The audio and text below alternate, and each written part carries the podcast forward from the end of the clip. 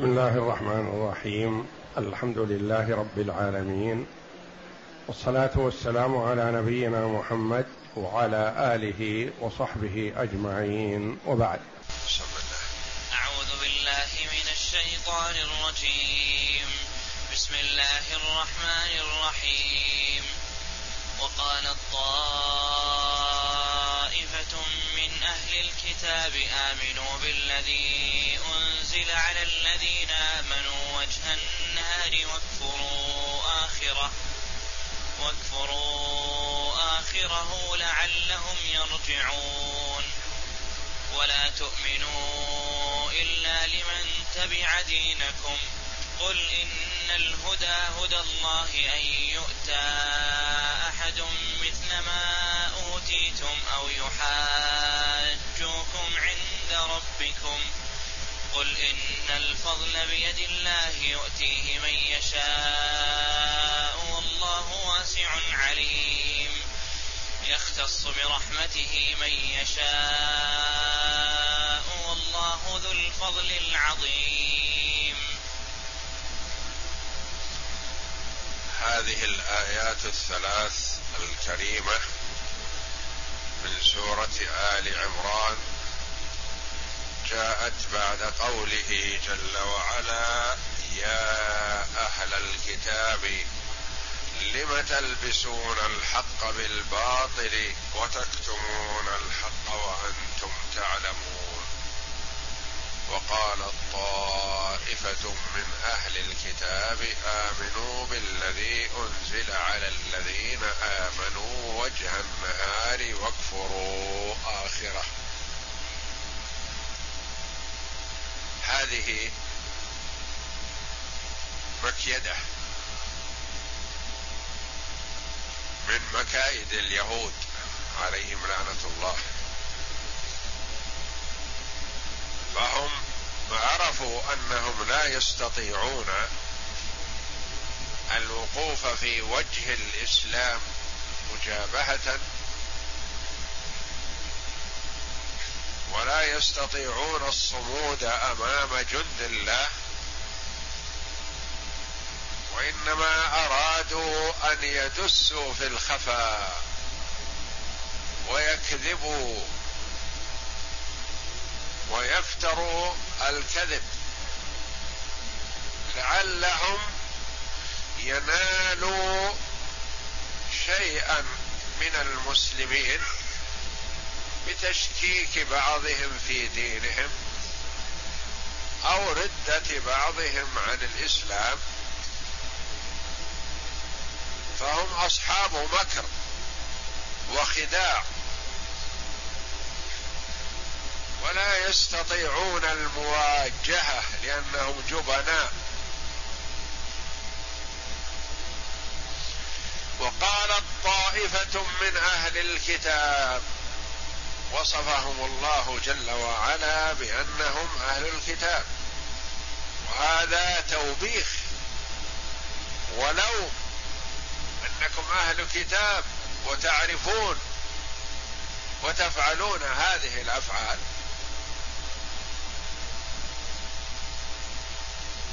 طائفة بمعنى جماعة من اليهود. قيل اجتمع اثنا عشر رجلا من أحبار اليهود وفكروا في أن يصرفوا بعض المسلمين عن دينهم ولئلا يتتابع المشركون في الإسلام ولا يدخل فيه من أهل اليهودية أحد. كيف ينالون من الإسلام؟ قالوا نظهر الإسلام والاتباع لمحمد صلى الله عليه وسلم أول النهار. صلاة الصبح نصلي أننا أسلمنا واتبعنا محمد. فإذا جاء العشي رجعنا وتركناه ودينه. قلنا تبين لنا أنه ليس هو النبي الذي سيبعث. هذا كذاب. كان صادق لاستمررنا على اتباعه. حيلة. لأنهم يعرفون إذا تكلموا عن الإسلام حال كفرهم لن يقبل منهم العاقل مسلما كان أو كافر. لأنهم يقول هؤلاء أعداء للإسلام فلا يقبلون حتى المشركون لا يقبلون منهم كلامهم. لكن قالوا نظهر الإسلام ثم نرجع عنه ونقول ليس هو بالحق الذي توقعناه. إن اتبعناه نظن أنه الحق. فلما تبين لنا رجعنا إلى ديننا.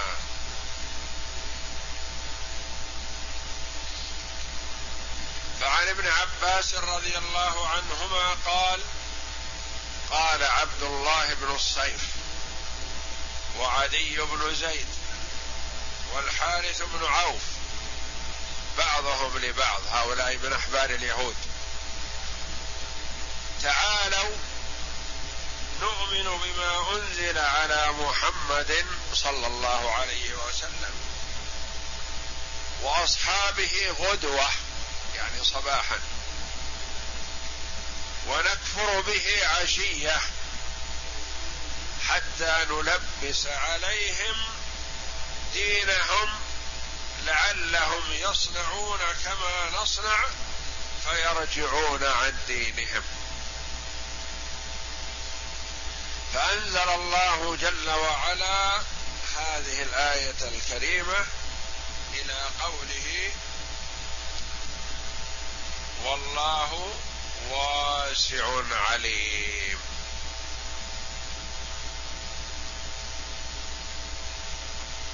وقد روي هذا عن مجموعة من السلف رحمة الله عليهم.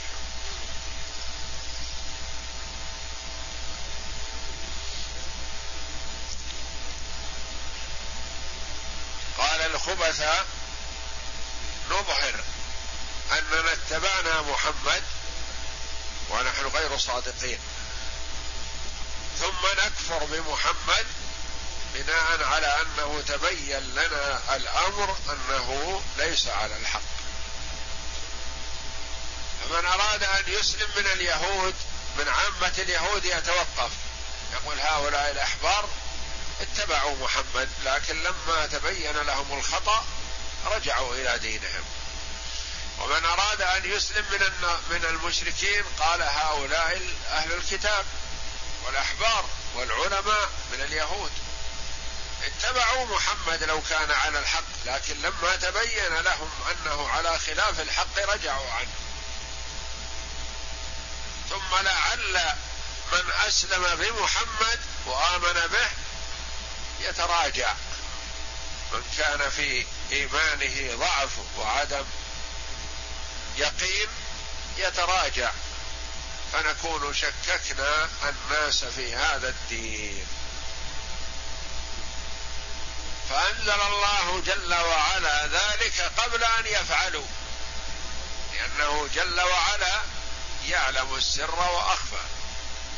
فلما تواطؤوا على هذا قبل أن يفعلوا وقبل أن يسلموا وقبل أن يصلوا مع الناس صلاة الفجر أعلن الله جل وعلا مقالتهم وفضحهم الذي لا تخفى عليه خافية. وقالت طائفة من أهل الكتاب آمنوا بالذي أنزل على الذين آمنوا وجه النهار. ومن نعمة الله جل وعلا على هذه الأمة أن اليهود والنصارى والمشركين كلهم يسمون أمة محمد المسلمون المؤمنون. آمنوا بالذي أنزل على الذين آمنوا يعنون أمة محمد صلى الله عليه وسلم. وجه النهار أوله. وسمي وجه لأنه أول ما يواجه أول ما يطلع ويتبين من النهار الفجر. فسمي وجه النهار يعني أول النهار. فما يصح أن يسمى بعد العصر وجه النهار وإنما يسمى آخر النهار. وجه النهار أوله. آمنوا بالذي أنزل على الذين آمنوا وجه النهار واكفروا آخره. آخر النهار أظهروا الكفر. انهم ليس هذا الدين الذي كنتم تتوقعون أنه الدين الحق. لعلهم يرجعون. لعل من أراد أن يسلم يتراجع. لعل من أسلم يرجع عن دينه. لأنكم أنتم يا معشر اليهود قدوة وعلماء. من المعلوم أنهم كانوا عندهم علم. فكان كفار قريش إذا أشكل عليهم شيء من الأمر أرسلوا وفد إلى علماء اليهود يسألونهم لأنهم معترفون لهم بالعلم. ومن ذلك استفتاءهم في موضوع محمد صلى الله عليه وسلم. أرسلوا وفد إلى اليهود قالوا نحن كذا ونحن كذا ونحن كذا معاشر قريش ومحمد قطع الأرحام وفرق الشمل و إلى آخره. أينا وإياه أهدى سبيلا؟ قالوا لا لا سواء أنتم أهدى سبيل. استمروا على ما أنتم عليه ولا تقبلوا من محمد شيئا.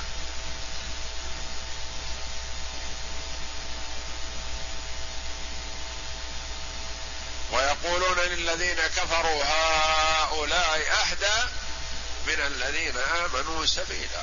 عليهم لعنة الله. يموهون ويكذبون ويفترون.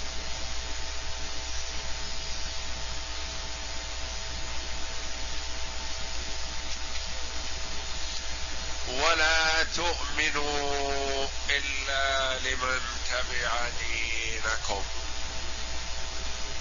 قال المفسرون رحمهم الله فيها أقوال. ولا تؤمنوا يعني لا تصدقوا وتبينوا الحقيقة إلا لمن اطمأننتم إليه من أهل دينكم. لا تقولون هذا الخبر للناس عامة تقولون نريد أن نسلم بمحمد ثم نكفر به. لا. لا تبينوا هذا الذي اتفقنا عليه إلا لمن وثقتم به واطمأننتم إليه أنه ما يفشي السر. ولا تؤمنوا إلا لمن تبع دينكم لمن هو على ما أنتم عليه. وقيل إن هذا من قولهم يقولون نحن نريد أن نؤمن بمحمد لكن لن نستمر. ولكن عليكم أيها الناس يقولون للناس عليكم الا تؤمنوا إلا لمن أتى بالتوراة أو بما دلت عليه التوراة. لا تقبلوا من أحد شيئا يخالف التوراة. يعني هذه وصيتهم لعامة أصحابهم. ولا تؤمنوا لا تتبعوا ولا تتبعوا إلا من لمن جاء بمثل ما جاء به دينكم الذي هو التوراة. ولا تؤمنوا إلا لمن تبع دينكم. هذه قولهم فيما بينه فيما بينهم وافتراؤهم على الله. قال الله جل وعلا لمحمد صلى الله عليه وسلم قل إن الهدى هدى الله. الهدى نور يلقيه الله جل وعلا بالقلب. فيظهر له الحق جليا فيتبعه ويظهر له الباطل جليا فيجتنبه. ليست المسألة على مؤامرة أو اتفاق بين ثلاثة من اليهود أو بين اثني عشر من اليهود فيرجع الناس عن دينهم. ليس هذا من الأمر بسهل. هذا تخطيط وتفكير من أناس عقيمة أفكارهم. وضعيفة يظنون أن الناس سيتبعونهم. لا. من يهده الله فهو المهتدي. الهدى نور يلقيه الله في جل وعلا في قلب العبد ما يتزحزح عنه. ثم ماذا إذا قال اليهود كذا وفعلوا كذا؟ يرجع المهاجرون والأنصار عن دينهم رضي الله عنهم وأرضاهم لو اجتمع من بين اقطارها في كل الأرض ليصرفوا سلمان أو بلال أو صهيب عن دينهم ما استطاعوا. رضي الله عنهم وأرضاهم. يسحب في الرمضة وعلى المل على الجمر على ظهره عاري ما فيه بينه وبين جسده وبين الجمر شيء. يقول ما يطفئ الجمر إلا الودك الذي يخرج من ظهري. ولا ما يصرف عن دينه. يقول أرجع عن دينك يقول لا أحد أحد. افعلوا ما شئتم. أكثر معنى تذهب هذه النفس في سبيل الله لو كانت عشرة أنفس. كما قال الآخر لو كان لك يا أمة مئة نفس تخرج واحدة واحدة ما أبالي ولا أرجع عن ديني.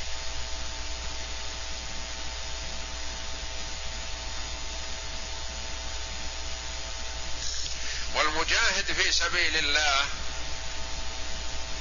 إذا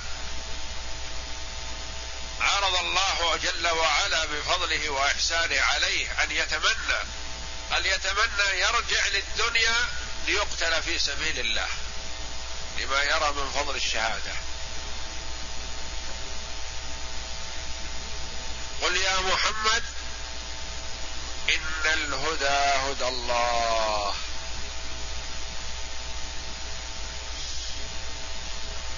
هذه قال بعض المفسرين جملة معترضة بين الكلامين.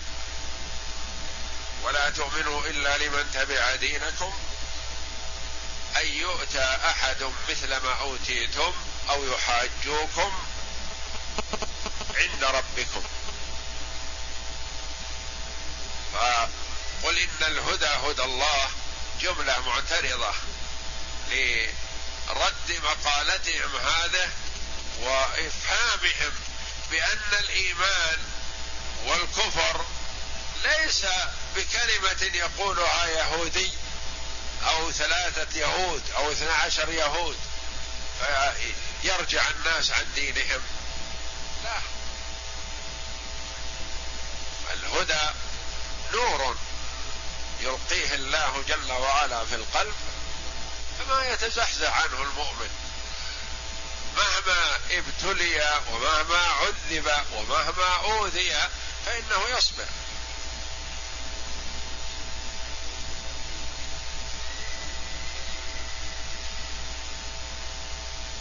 نؤثرك على ما جاءنا من من الحق.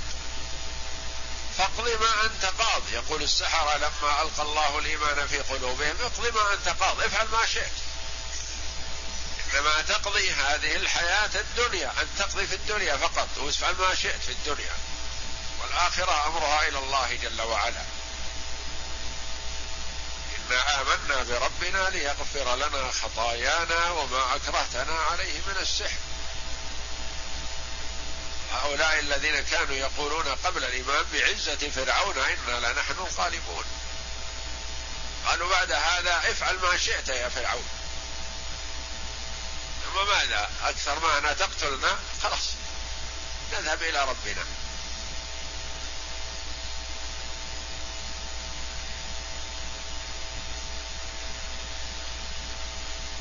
قل إن الهدى هدى الله.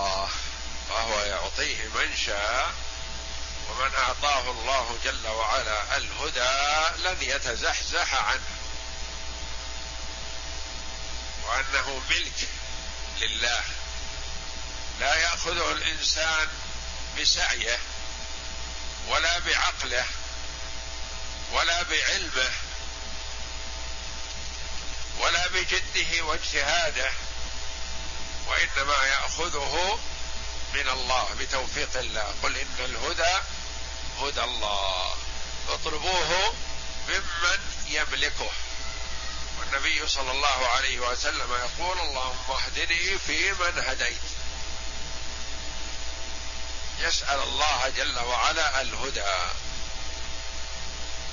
وهو عليه الصلاة والسلام المهتدي ويسأل ربه الهدى. والهدى الذي هو التوفيق والإلهام هذا لا يملكه إلا الله جل وعلا. ما يستطيع الوالد مهما أعطي من البيان والإيضاح لولده ولا من الشفقة والحنان والعطف لولده لا يستطيع أن يعطيه الهدى. وإنما يسأل الله له الهداية. إنك لا تهدي من أحببت. هداية التوفيق والإلهام. حرص النبي صلى الله عليه وسلم كل الحرص على هداية عمه أبي طالب وما اهتدى. بخلاف هداية الدلالة والإيضاح فهذه للنبي صلى الله عليه وسلم ولكل من دعا إلى سبيل الله بالحكمة والموعظة الحسنة. إنك وإنك لتهدي إلى صراط مستقيم. تهدي ترشد وتدل وتوضح. أما هداية التوفيق والإلهام فهذه ليست لك وإنما هي لمن يملكها وهو الله جل وعلا. قل إن الهدى هدى الله. انتهت هذه الجملة. أن يؤتى أحد مثل ما أوتيتم.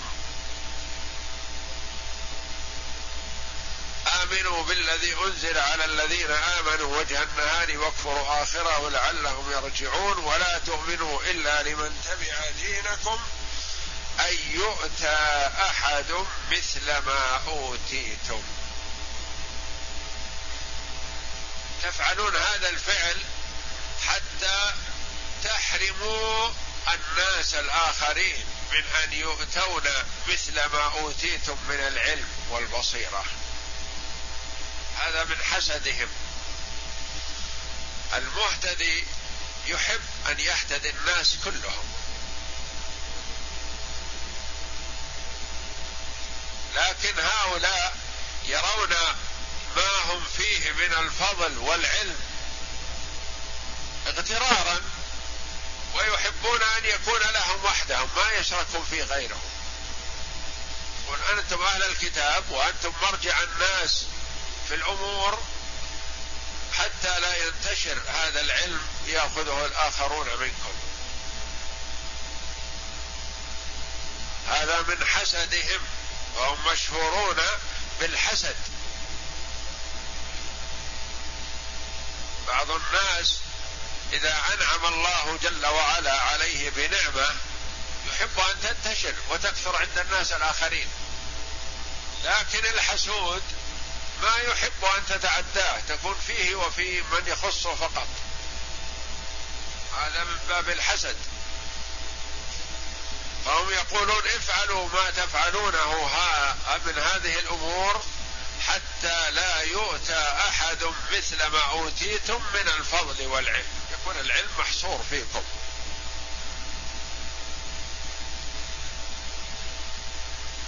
أو يحاجوكم عند ربكم أو يحاجوكم عند ربكم. إذا أسلموا واهتدوا وتبين لهم الحق واطلعوا على صدق محمد صلى الله عليه وسلم يحاجوكم يقولون لكم نحن عرفنا صدق محمد صلى الله عليه وسلم وأنتم أولى بمعرفة ذلك لأنكم أهل الكتاب. واصرفوا الناس حتى لا يؤتوا من الفضل مثل ما أوتيتم وحتى لا يحاجوكم. أصرفوهم عن الدين الحق حتى لا يحاجوكم عند الله يخاصموكم. أن يؤتى أحد مثل ما أوتيتم أو يحاجوكم عند ربكم. قال الله جل وعلا قل إن الفضل بيد الله. يؤتيه من يشاء. الله جل وعلا عنده الفضل العظيم والعطاء الجزيل. يعطيه جل وعلا من شاء لحكمة. وليس تفضيل الله جل وعلا للناس بناء على المال أو بناء على الجاه أو بناء على كثرة الولد أو بناء على السلطان والعز أو بناء على كذا وكذا وإنما هو يعطي جل وعلا من شاء ما شاء من الفضل وهو جل وعلا أعلم بمن يصلح لذلك.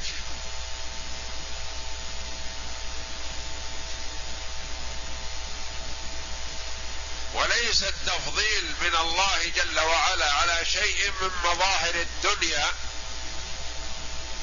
كما يظن بعض الناس أن هذا مفضل في الدنيا بكذا لازم يكون فضله مستمر.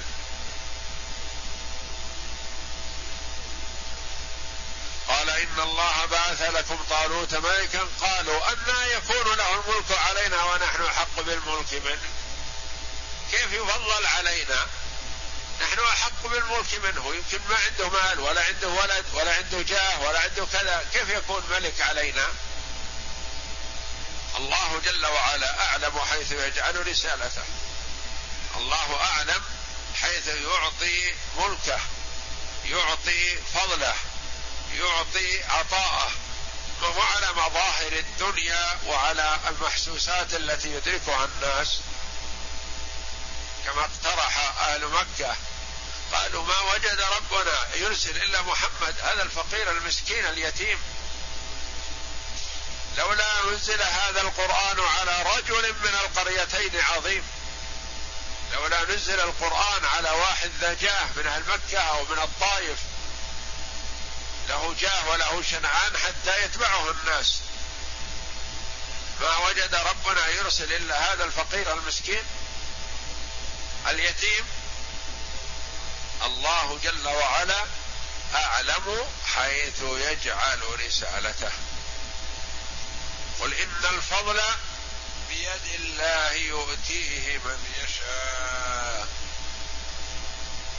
وهو جل وعلا لا يظلم الناس شيئا. فهو في الفضل يعطي ويزيد. وفي الحرمان ما يحرم إلا من يستحق الحرمان جل وعلا. إن الله لا يظلم الناس شيئا ولكن الناس أنفسهم يظلمون. وما ربك بظلام للعبيد. إن الله لا يظلم مثقال ذرة. قل إن الفضل بيد الله يؤتيه من يشاء والله واسع عليم. واسع العطاء. عنده الخير العظيم. عليم بمن يصلح لذلك. فهو يعطي من يصلح لهذا جل وعلا.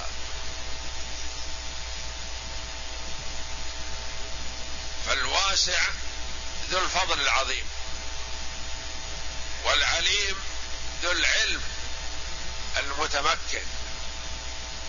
واجتماع الصفتين يكسب صفة عظيمة. لأنه قد يكون المرء في الدنيا واسع عنده فضل وعنده خير عظيم لكنه أجهل من حمار أهله. جاهل. وقد يكون الإنسان في الدنيا عالم وجليل العلم وعظيم العلم لكن فقير مسكين ما عنده ما يتغدى ولا ما يتعشى. فإذا اجتمعت الصفتان لله جل وعلا كانت منتهى الفضل والعظمة. واسع عليم. عنده خير عظيم لكن لا يعطي من لا يستحق. عليم يعطي هذا لأنه يرى أنه يستحق ويحرم هذا عدلا منه ولا يظلمه لأنه غير مستحق. واسع عليم يختص برحمته من يشاء. خصكم يا أمة محمد بفضائل مع ما يكيد لكم الأعداء من كل جهة المشركون من جهة واليهود من جهة والنصارى من جهة كل الناس تكيد للإسلام والمسلمين ولكن الله جل وعلا نجاهم. يختص برحمته من يشاء فهو يدافع جل وعلا عن الذين آمنوا. مثل ما حصل اعطوا بالمدينة كل الأحزاب. هو الشر تكالبت وبددهم الله جل وعلا وفرقهم ولم ينالوا خيرا. وكفى الله المؤمنين القتال. ما كان في قتال. زلزلهم جل وعلا وألقى الرعب في قلوبهم وأرسل عليهم الريح كفأت قدورهم ونسفت خيامهم وآذتهم أذى شديدا حتى كان فيهم الخوف والشدة والكرب. ثم لما أراد أبو سفيان أن يصدر قراره ليلا مع الظلام والشدة قال ينظر كل واحد منكم من جليسه خشية أن يكون فيهم أحد من أصحاب محمد صلى الله عليه وسلم. وفعلا فيهم من أصحاب محمد صلى الله عليه وسلم من انتدبه الرسول صلى الله عليه وسلم ليأتيه بالخبر. قال لينظر كل من جليسه. فسارع الصحابي رضي الله عنه ومسك بيد جاره وقال من أنت؟ قال أنا فلان. خلاص انتهى أمن هو إنه ما يسأل لأنه هو سأل. ثم أعلن أبو سفيان كان قائد الكفر والضلال أعلن قراره الأخير بأنه مرتحل إنه ما في فائدة. اليهود نكثوا وقبائل العرب كذلك تراجعوا وما بقي إلا معه كفار قريش. قال لا قبل لنا بمحمد أنا مقرر العوده فألقى الله جل وعلا الرعب في قلوبهم وانصرفوا. وفرقهم شخص واحد أسلم رضي الله عنه بمعونة الله جل وعلا وتوفيقه. فرق بينهم حتى تخاذلوا. قد جاءوا من كل حدب وصوب لحرب المدينة. يختص برحمته من يشاء. هذا الفضل الذي أعطاكم يا أمة محمد صلى الله عليه وسلم خصكم الله به. بفضل الله جل وعلا وكرامة لنبيكم محمد صلى الله عليه وسلم. أعطيت خمسا لم يعطهن أحد قبلي. فضائل ما أعطيت للأمم والأنبياء السابقين رضي الله عنهم. وصلوات الله وسلامه على رسله أجمعين. لكن الله جل وعلا فضل بعضهم على بعض كما قال تعالى تلك الرسل فضلنا بعضهم على بعض. وهو عليه الصلاة والسلام سيد ولد آدم ورسول إلى الثقلين الجن والإنس. ومع هذا صلى الله عليه وسلم يقول لا تطروني كما أطرت النصارى ابن مريم إنما أنا عبد فقولوا عبد الله ورسوله. قد يقول قائل كيف؟ أنه عليه الصلاة والسلام يقول لا تطروني لا تمدحوني ومع هذا يذكر مما فضله الله جل وعلا به. نقول نعم لأن لا يمكن أن نعرف هذا الفضل من غيره. هو المبلغ عن ربه تبارك وتعالى فهو الذي يعطي الله الذي يعطي الفضل ولا نعلم عنه إلا عن طريقه صلى الله عليه وسلم. فهو إذا ذكر ما فضله الله جل وعلا به على الناس ليس هذا من باب مدح النفس وإنما من باب وأما بنعمة ربك فحدث يحدث بنعمة الله جل وعلا عليه وعلى أمته عليه الصلاة الله ربي وسلامه عليه. يختص برحمته من يشاء. والله ذو الفضل العظيم. الفضل العطاء الجزيل. العظيم الواسع الذي لا يقدر قدره إلا الله جل وعلا. فالله جل وعلا جاد عليكم وفضلكم وأنعم عليكم أيها المسلمون وأخبركم بمكايد اليهود وبمكايد المنافقين وإن حاربكم الناس عامة فهو جل وعلا معكم. إنا لننصر رسلنا والذين آمنوا في الحياة الدنيا ويوم يقوم الأشهاد. ولينصرن الله من ينصره. وإنما الواجب على المسلم أن يكون مع الله أن يكون محبا لدين الله جل وعلا وساعيا في دعوة الناس إليه ونشره والله جل وعلا يؤيده وينصره ويثبته.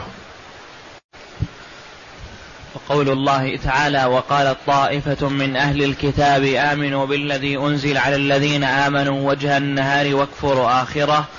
الآية هذه مكيدة أرادوها ليلبسوا على الضعفاء من الناس أمر دينهم وهو أن أنهم اشتروا